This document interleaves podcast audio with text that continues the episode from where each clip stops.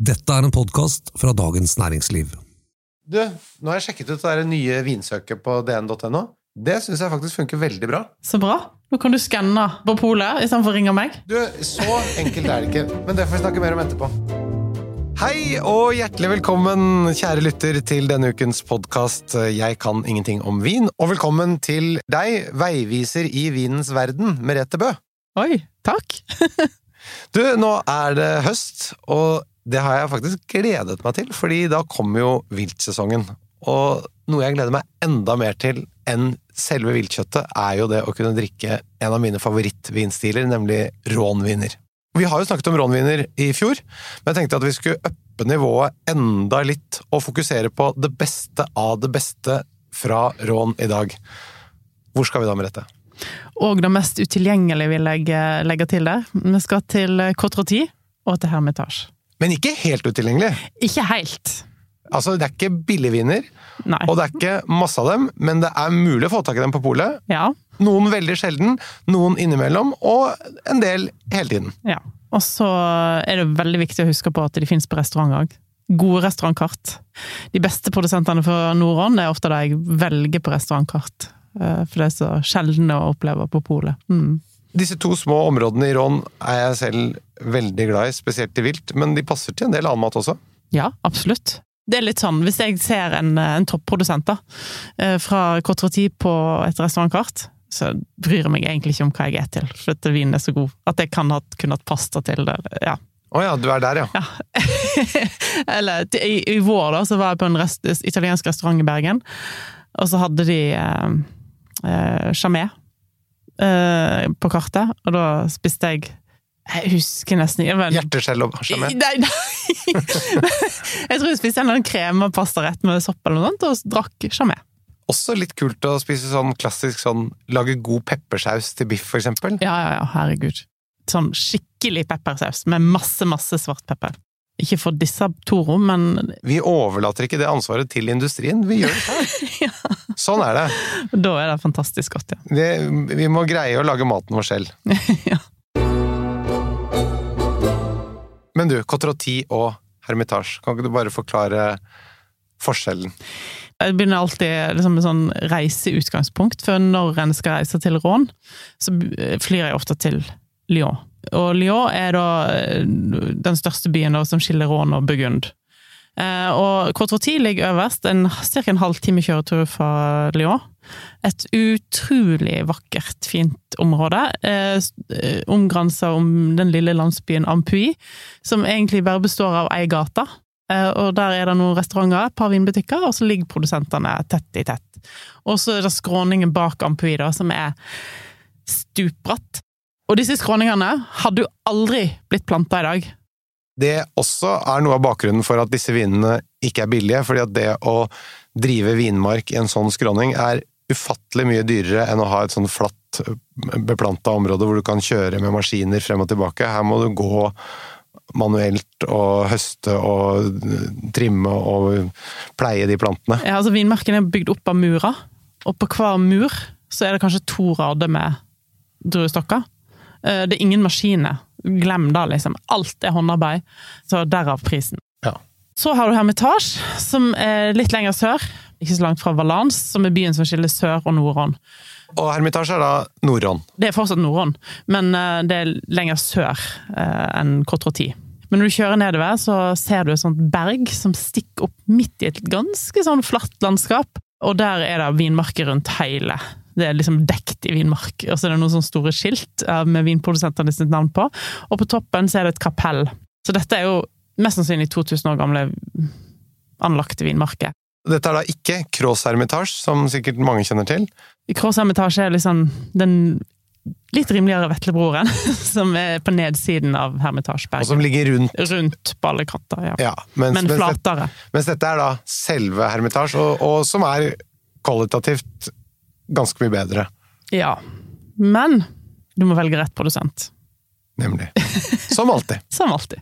En god produsent lager en bedre Cross Hermitage enn en dårlig produsent gjør i Hermitage. Nettopp. Så egentlig er det feil, jeg sa, at det generelt sett er høyere kvalitet. Det handler rett og slett om produsenten. Men de beste hermitasjevinene, de slår alle de beste Cross Hermitage. Ja, definitivt.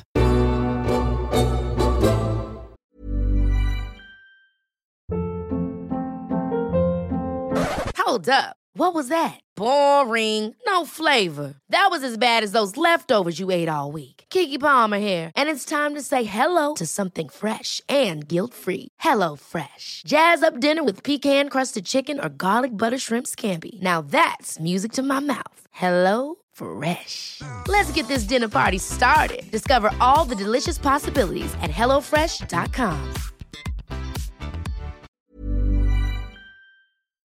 Men du, klassifikasjonssystemet på disse to appellasjonene, da? I Hermitage er det noen store eiere på det berget, som eh, blant annet Chapotier, som er sikkert en produsent som de fleste har hørt om. De har alt fra bag-in-box til kjempedyre toppviner fra Hermitage. Og han har masse forskjellige plotter på Hermitage, eh, og har da eh, noe som franskmennene kaller så fint lieu som er en liten plott av en vinmark som utmerker seg fra de andre. Hans lieu-dier der merker han alltid på etiketten, da. Men er ikke tradisjonelt at når man lager den klassiske hermitasjen, så er det en blanding av ulike lydier? Ja. Du kan ha et sånn kuvé-navn, altså du kan kalle det opp etter mor di eller far din eller dattera di eller ja. Men eh, stort sett står det bare hermitasje. Ja. Så, så, det betyr egentlig at her er det faktisk i prinsippet en villagevin, da. Altså at du blander ulike plotter Mm. Til én sånn blend. Som jo man gjør i prinsippet i en villagevin, men det er liksom det staseste av det Mm. Ja, staseste. altså Hermitage, hadde, hadde du hatt Grand Cru-betegnelse her, sånn som du har i Burgund, så hadde jo Hermitage vært en Grand Cru. Men det betyr da at på samme måte som i champagne, så kan det da være fra flere Grand Cru-vinmarker. Mm. Uh, Istedenfor at man i Burgund så singler man ut akkurat den enkeltmarken, Grand Cru-marken. da. Mm. Når vi snakker om produsenter, så finnes det jo også noen myteomspunne eh, produsenter, eh, eksempel Chav. Mm. Jean-Louis Chave, fantastisk produsent. Eh, kanskje den eh, mest ettertrakta i hele Norden, vil jeg påstå. Ganske umulig å få tak i hans hermetasj. Det er kun på spesialslipp. Og nå på spesialslippet så var Ja, de de flaskene flaskene tilgjengelig i Ett sekund. ja, maks. Og de koster jo ja, et par tusen kroner pluss, kanskje. Hva er det med han som gjør at eh, hypen er så stor? Det er jo fordi at det, det er ikke bare han, men faren lagde god vin. Altså bestefaren lagde Alle har i generasjoner lagd god vin, så det, liksom, det har jo Når folk smaker eldre årgang av hans, eller farens eller bestefarens hermitasje, så smaker de helt fantastisk. Jeg tror han er sånn 15. generasjon eller sånt. Det vært drevet siden midten av 1500-tallet. Men det er litt forvirrende på polet, fordi det er alltid noen hermitasjer tilgjengelig fra Chav. Det finnes jo en produsent som heter Jan Shav. det er ikke samme produsent.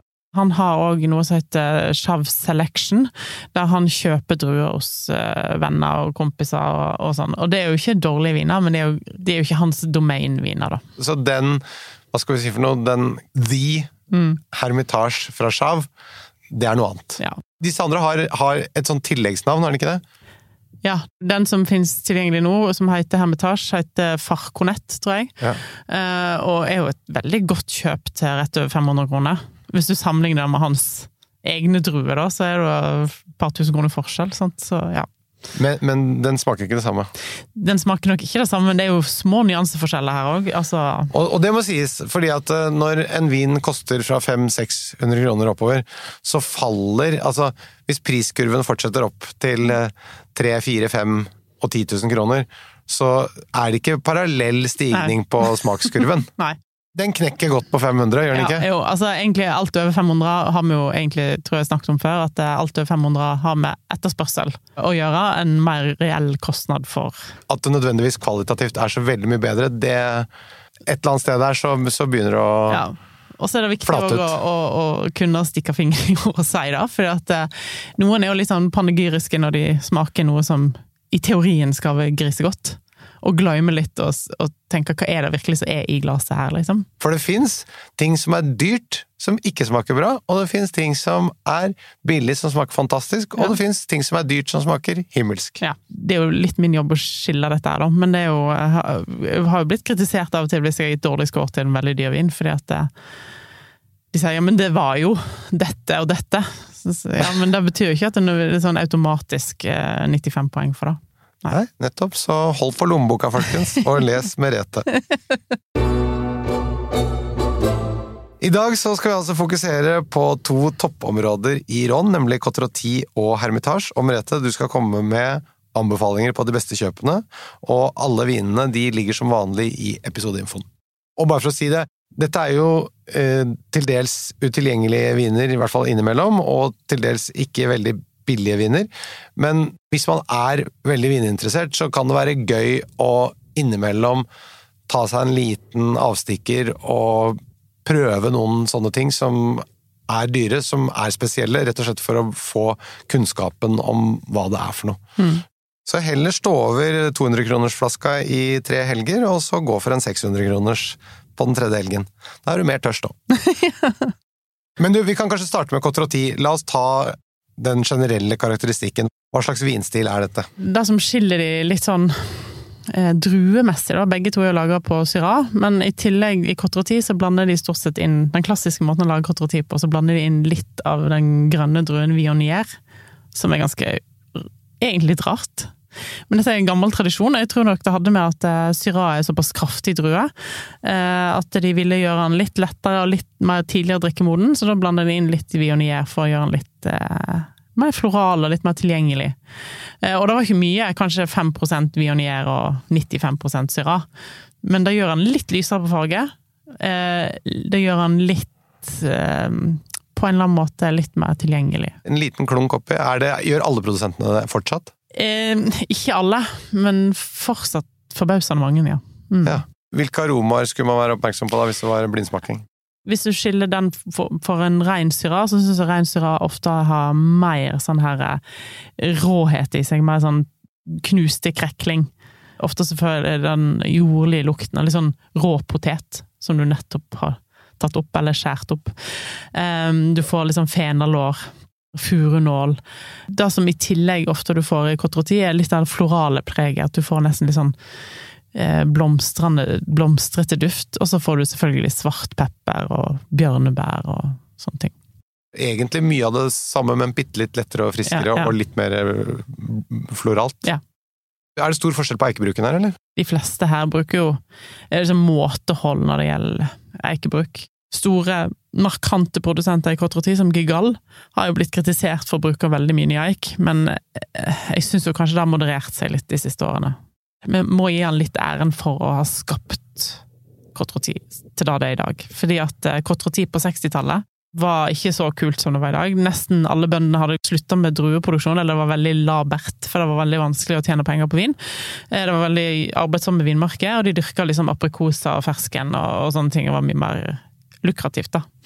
Eh, Så Ampuy som landsby, eh, borgermesteren der, eh, bestemte at de skulle i skråningene bygge ferieboliger til eh, de rike i Lyon, og rive vekk vinmarken. Gigal, eh, ganske ung, protesterte virkelig, og, og fikk det snudd om. Ja. Hvis du er i Ampuy, så ser du noen hus som ligger litt høyt oppe. Det ble bygd ganske tidlig, men han redda da resten av vinmarkene. Og eh, i eh, 1966 så kjøpte han eh, den første sånn, som han lagde som en enkeltvinmark, som heter La Moline. Eh, Og så i 78 så kjøpte han La Landon, og i 85 så kom La Turk. Og de vinene der, de tre vinene der blir i dag kalt Lala-vinene, og de er liksom eh, de vinene som gjorde Cotroti berømt igjen, da. For de fikk utrolig bra score i eh, amerikanske medier, og eh, ble et samleobjekt. Det er stort sett tilgjengelig på polet, koster rundt 3000 kroner. Litt sånn uoppnåelig viner på en eller annen måte, men, men samtidig eh, så er de det er de tre som jeg vil si har skapt moderne, eller den moderne Cotroti, eller egentlig kanskje har redda Cotroti, da. Jeg sa i sted at man kunne ta seg en pause et par helger. Her kan man ta to hvite måneder, og så kan man prøve en sånn flaske. Ja. Men du, nå har vi snakket om Gigal. Hvilke andre produsenter vil du nevne? Den som lager best Cotroti, kanskje bortsett fra Gigal, er uten tvil Jamé. Og eh, disse brødrene Jamé de skilte lag for noen år siden. Jeg tror ikke de er veldig gode venner. Eh, Jeg snakket med han, eh, han som fortsatt driver familiegården, og han var litt sånn lunken og begynte å snakke om broren. Men Er det det som da heter Domaine Chamel, eller er det Ja. han Jean-Luc Chamel? eh, Jean-Luc er broren som trekte seg ut. Ja, og da du snakket med han som ble igjen. Og som, og som lager da den som heter Domaine Ja. Eh, men Sjaluk lager flotte viner, han òg. Eh, ofte litt lettere å få tak i. For Sjalukken? Ja. Han er litt lettere å få tak i. En annen produsent som jeg syns lager utrolig flotte Cotroti, er Rostang. eh, Som stort sett er tilgjengelig med sin eh, Ja, det er rart å kalle noe standard Cotroti, men ja. Og pris på det, cirka. Den rimeligste koster rundt 650 700, noe sånt. Og så er de dyreste Han har en kort Brun som er helt legendarisk fantastisk. Men den er også sånn som er tilgjengelig i 30 flasker en gang i året på polet, og du må ha flaks i køen. Og man må ha hvitt kvartal for å smake. Ja. Eh, og så har du jo litt lettere tilgjengelige produsenter som Francois Villard, eh, Augier Og så har du Gaillard, eh, som kom med Cotroti fra 2019 nå, på polet til 444 kroner. Og den er faktisk sluppet i basiskategori, eller basissortimentet til polet. Og det er jo ganske kult. Ok, men da må vi over til å snakke om Hermitage. Ja. Det er jo Syrah som er hovedrunden her. Mm. Men uh, hva vil du si er forskjell i vinstilen på en Hermitage og en Cotterati? Altså, Hermitage er kraftigere, mer tanniner. Eh, Det som utfordringen til Hermitage, da, det er jo at det, det er veldig mange store produsenter som eier store deler av Hermitage. Og de har en litt mer sånn kommersiell tilnærming til å lage Hermitage. Så skal du kjøpe en god Hermitage, er ikke nødvendigvis at du skal legge masse penger på bordet, sett bort ifra Sjav, som er unntaket. Hvilke andre produsenter ville du En av mine favoritter er Colombier. Okay. som koster vel 700 kroner på polet. Syns jeg lager aller, aller, aller beste, og særlig i forhold til pris. Ja. Men vinstilen her, den mener du altså da er kraftigere og tyngre. Er det noe mat som du tenker at vi kan drikke Hermitage til, men vi kan overhodet ikke drikke Cotroti til, eller? Nei, ikke sant. Det er ikke så stor forskjell. Nei.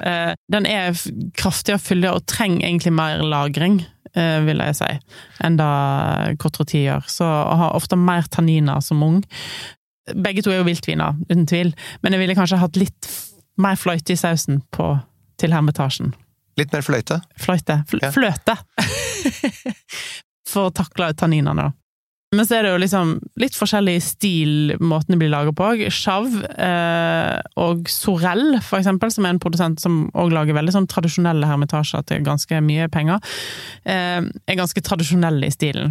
Og litt lettere tilgjengelig enn for eksempel Colombier, som er nok litt mer moderne i stilen. Så hva vil det si Ja, at du får, området? det er mer sånn frukt, og han føles mer konsentrert og har mer tanniner. Litt mer av alt, da. Og, og mer eik også? Litt mer eik, eh, tenker jeg, ja. Eh, Ikke så mange gamle eikefat der, men ikke sånn at det plager. Altså, jeg syns at eh, pris versus kvalitet, syns jeg Colombier er helt fantastisk. Og så har det kommet en ny produsent på det norske markedet, som var her for lenge siden, men kom tilbake igjen, og heter Remisier. Og de òg har noen hermitasje på markedet til 650 kroner. Og den og Colombier er ganske sånn like i stilen. Masse, masse sånn mørk, mørk frukt. Klassisk og utrolig flott syra. Ja. Og, og vinen bærer det. ja, absolutt. Og prisen bærer det òg, ikke minst. Åh, jeg får så lyst på sånn vin nå. Men jeg må jo si en ting òg. Det er jo en, eh, en type hermetasje vi har glemt å snakke om. Det lages faktisk hvitvin i hermetasje. Ja! På to druer som heter Rosanne og Marsanne, og de er jo eh, er jo ikke helt min og din stil, tror ikke jeg. Jeg, jeg må si, jeg har smakt hvitvin fra Råndalen noen ganger. Jeg har prøvd det, og jeg har prøvd det igjen. Jeg får det ikke til. Jeg syns det er for lite syre. Ja, det, det er veldig lite syre. For meg smaker de mer sånn nesten sånn derre noe sånn sitruslikøraktig mot, da, fordi at de, de, de har ikke den friskheten, så det blir så liksom plumpe, og, og hvis, den er, hvis den i tillegg er litt varm, altså nei. Det er ikke noe Nei, ofte litt høy alkohol og veldig lite, lite friskhet. Ja. Eh, Men det er alltid et men. De er ganske dyre, eh, så du må jo på en måte ha Jeg vil anbefale alle Får du muligheten å smake en gammel hvit hermitasje, benytt deg av den muligheten. Fordi at det krever mye tid for den vinen til å bli moden. Altså, aldri drikk den før den er ti år gammel. Men jeg har én flaske Chav 2007, hvit. Det, jeg gleder meg til å bli invitert på den. Det er flere som har sagt det, at dette må du prøve, og det er Ja. fantastisk. Til noe kjøttbuljong eller noe Mm. sånt noe. Jeg har én flaske, jeg skal prøve igjen. En siste gang. Hva slags glass bruker du til eh, de røde vinene? Eh, Altså til Syrah. Jeg har eh, fått et favoritt-Syrah-glass, og det er vel Riedel sitt um, Veritas Ja. Syrah-glass. Og det er litt slankere og litt høyere og litt mer innsnevra enn Bordeaux-glasset. Utrolig godt glass. Jeg bruker det til andre ting òg, men jeg bruker det alltid til Syrah. Hva annet bruker du det til? Eh, Det hender at jeg bruker det til litt eh, store, kraftige Rieslinger, faktisk. For det er bare større Det er som et større Riesling-glass, liksom. Men hvis du ikke har det glasset, hvis vi skal prøve å liksom holde oss på et normalt glasskap her hva, hva,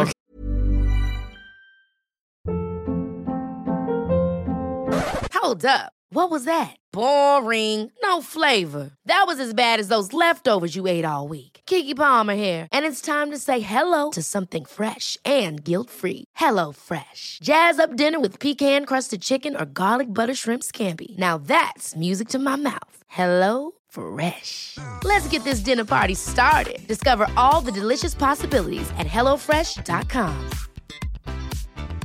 Mom deserves the best, and there's no better place to shop for Mother's Day than Whole Foods Market. They're your destination for unbeatable savings, from premium gifts to show-stopping flowers and irresistible desserts. Start by saving 33% with Prime on all body care and candles. Then get a 15-stem bunch of tulips for just $9.99 each with Prime. Round out Mom's menu with festive rosé, irresistible berry chantilly cake, and more special treats. Come celebrate Mother's Day at Whole Foods Market. Hey, it's Paige DeSorbo from Giggly Squad. High quality fashion without the price tag. Say hello to Quince. I'm snagging high-end essentials like cozy cashmere sweaters, sleek leather jackets, fine jewelry, and so much more. With Quince being 50 to 80% less than similar brands. And they partner with factories that prioritize safe, ethical, and responsible manufacturing. I love that. Luxury quality within reach. Go to quince.com slash style to get free shipping and 365 day returns on your next order. Quince.com slash style. hva ville du brukt da? Et eh, Bordeaux-glass. Et Altså, Bordeaux-glass? ja. Ja. Det vil ikke ødelegge opplevelsen. Nei, absolutt ikke. Så du Men trenger ikke å sitte der og føle at oi, nå har jeg fått på meg verdens flotteste sko, men jeg har stein i skoen.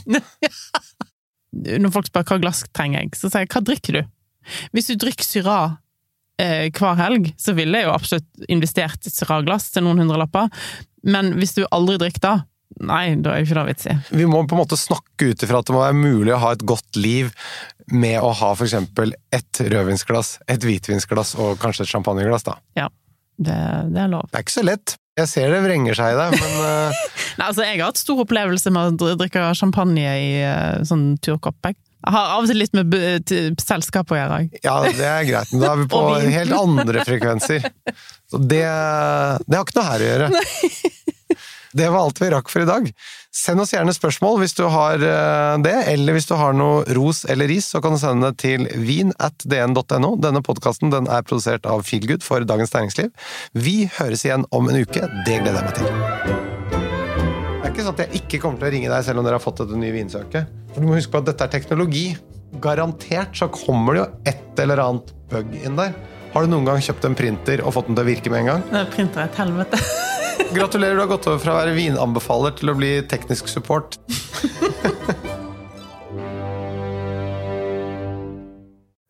Du har nå hørt en podkast fra Dagens Næringsliv.